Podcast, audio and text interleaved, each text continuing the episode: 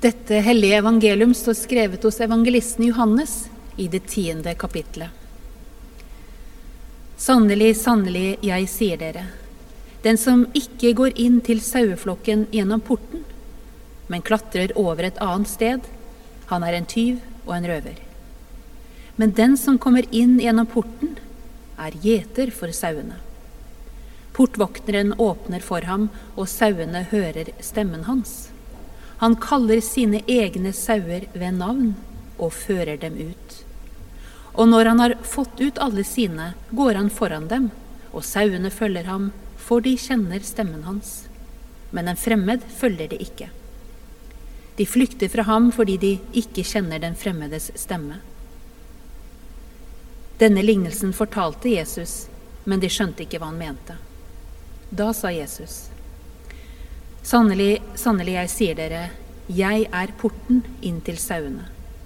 Alle de som er kommet før meg, er tyver og røvere, men sauene har ikke hørt på dem. Jeg er porten.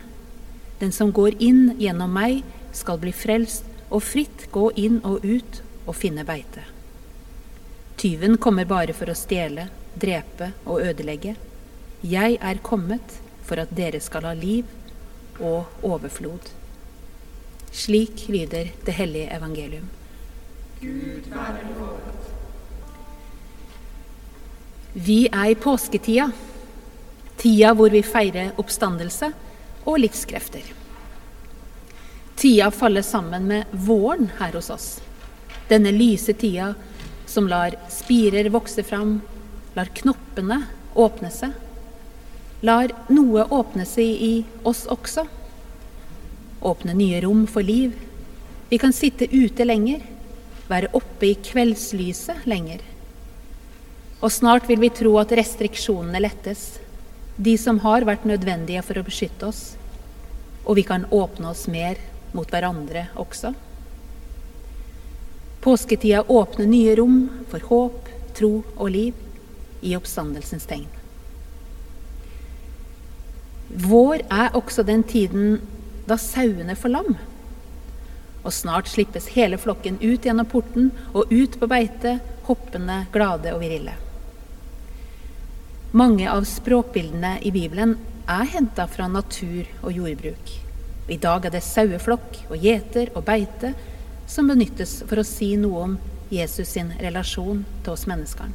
Si noe om et godt liv i oppstandelsens tegn. Språkbilder kan både være fremmedartet og fint. Fremmed hvis vi ikke har noe kjennskap til de bildene som nevnes, og fint når vi gjenkjenner noe fra vår egen livsverden som åpner opp for minner og erfaringer. Noe av bildefortellingens mulighet, slik den vi møter i dag, er at de kan skape et større bilde for oss, og skape indre bilder, noe begrepet og forklaringa ofte ikke kan gi oss. Fikk du noen minner eller indre bilder da du hørte teksten i dag? Jeg tillater meg å være litt personlig og fortelle at jeg er så heldig at jeg vokste opp med sauer og utmark. Vi hadde akkurat få nok sauer til at vi kunne kalle alle ved navn. Og noe av det flotteste minnet har, er nettopp dette synet av flokken som slippes ut på det første vårbeitet hvor saftig grønt og livgivende gress står og venter på dem. Det er så vakkert og vitalt. Kanskje slik vi noen ganger har på følelsen av at vi selv oppfører oss når vi har sittet for lenge inne, har vært for mye begrensa og glede oss over det frie livet. Kanskje slik vi lengter etter å erfare det snart nå i år, kanskje allerede i sommer. Og et annet minne jeg har fra saueholdet, er på sene høstkvelda, da det begynte å bli kaldt i lufta, så tok vi dem inn for natta. Min mor var den som ropte på dem, og da de hørte stemmen hennes, kom de løpende, hele flokken. Ja, det er sant at saua gjenkjenner røsten til sin gode gjeter. Til den røsten har de tillit. Og med disse for meg gode minnene så går jeg gjerne videre inn i teksten for å utforske mer. Utforske hvordan språkbildene Jesus benytter, som er relatert til århundrelange minnefortellinger henta fra de gamle tekstene, fortsatt kan si noe om relasjon, trygghet og tillit, her vi er i vår påsketid. For gjeter- eller hyrdemetaforen har en rik tradisjon i Bibelen. Og når Jesus tar i bruk denne, så gav det rike assosiasjoner for dem som kjente Salmenes bok og profetbøkene. Gjeteren var et Messias-bilde. Gjeterens oppgave var å vokte mot farer, men kanskje like viktig lede til gode beiter og livgivende vann. Når så Jesus nå tar i bruk disse eldgamle og rike metaforene, gjør han seg vesenslik med den evige, beskyttende, ivaretakende livgiver fra tidenes morgen, og samtidig den som på nytt skal komme og redde flokken. Likeledes settes han i forbindelse med en profettradisjon hvor lederen er opptatt av sosial rettferdighet. Hos profeten Esekiel er en god gjeter en som gir seg hen til flokken sin, som før flokken og ikke seg selv, som ikke er opptatt av egen berikelse. Hyrdemotivet er mye benytta også i kristen estetikk. Vi finner det i mange salmer, men også på disse malte bildene som fant sitt sted over barnesenger i mange hjem. Kanskje fordi det er noe vakkert ved det. Men det er også noe som lett kan problematiseres. Hyrdemetaforen forutsetter noen faktorer. At det i livet finnes mange farer, og at vi trenger å bli leda for å finne fram til det som er godt for oss. Et premiss jeg tror det er riktig å si at mange mennesker i vår tid, i vår del av verden, har hatt vanskelig for å godta. Det er jo et rådende bilde blant oss at vi skal fremstå selvstendige og selvtilstrekkelige. At vi ikke trenger å bli passa på. En skal jo finne ut av alt selv. Det er ikke bra å innrømme at en følger i andres spor. Og det er ikke positivt å bli sett på som et flokkdyr. Nå er det jo ikke sikkert at hyrdemotivet forutsetter at det skal være ufritt å ha en beskyttende gjeter. Det er ikke sikkert at det forutsettes at, å, at det forutsettes at den skal slutte å være et enkeltindivid. I teksten i dag finnes setninger som de skal fritt gå inn og ut og finne beite. Og han kaller sine ved navn.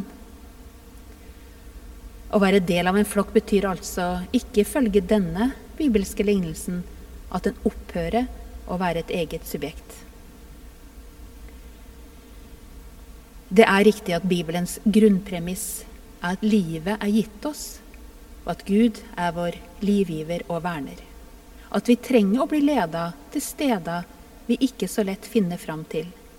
Steder av nåde, hvile, steder hvor det er godt å bare være, og at det er godt nok. Vi er avhengig av noe større utenfor oss selv, sier Bibelen. Noe som kan synes som en kontrast til budskapene i det autonome menneskets tidsalder. Men har ikke alle disse verdiene om å gå egne veier og være selvtilstrekkelig blitt satt skikkelig på plass dette siste året, kan vi spørre. Et år hvor vi har sett hvor viktig det er å ha gode ledere som kan vise oss veier til liv. Enten vi har vært enige eller har kjent oss uenige i alle reglene, så har vi fulgt etter, fulgt rådene. Porter har vært lukket for oss, og vi har vist tillit til de gode gjeterne. Vi har gjenkjent stemmer som vil fortelle oss at de vil oss vel. Slik kan vi kanskje si at det siste årets erfaringer har minnet oss om at menneskets grunnvilkår ikke har endra seg så mye gjennom årtusenene. Ikke har endret seg så mye siden de første tekstene om gjeteren og flokkene. Å være menneske er å være sårbar.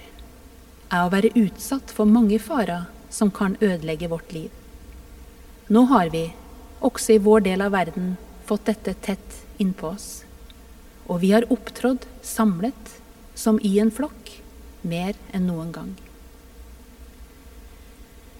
Jeg tror en livsholdning om at livet er gitt oss, og at vi trenger en verner, kan åpne opp for en sunn ydmykhet.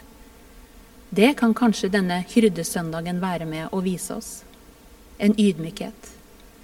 Men kanskje også takknemlighet for hvordan livet kommer til uttrykk i all sin mangfoldighet. Vårt kall er å fortsette å verne om det. Verne om naturens mangfold, men også menneskets mangfoldige skaperkraft og livsuttrykk. I musikk og kunst, gjennom ord og i barmhjertighetshandlinger. Påsketid er å åpne seg for denne takknemligheten for livet, og ikke minst kjempe mot alle krefter som vil true det. Det finnes også mange i vår verden som vil være såkalte portvoktere og passe på hvem som skal slippes ut til de livgivende beitene. Kirken har også en tradisjon for å opptre som portvoktere og sortere hvem som skal få gå inn og ut. Jeg tenker at det er en befrielse når Jesus sier at han er porten. Gjennom og i ham går livet ut. Det er påsketidens budskap. Jesus viste oss i alle fall hvordan mennesker, uavhengig av samfunnets første og andre sortering, uansett tilhørighet og bakgrunn, kan få tilhøre flokken. Ære være Faderen og Sønnen og Den hellige ånd. Gud vår skaper, frigjører og livgiver, som var og er og blir én sann Gud fra evighet og til evighet. Amen.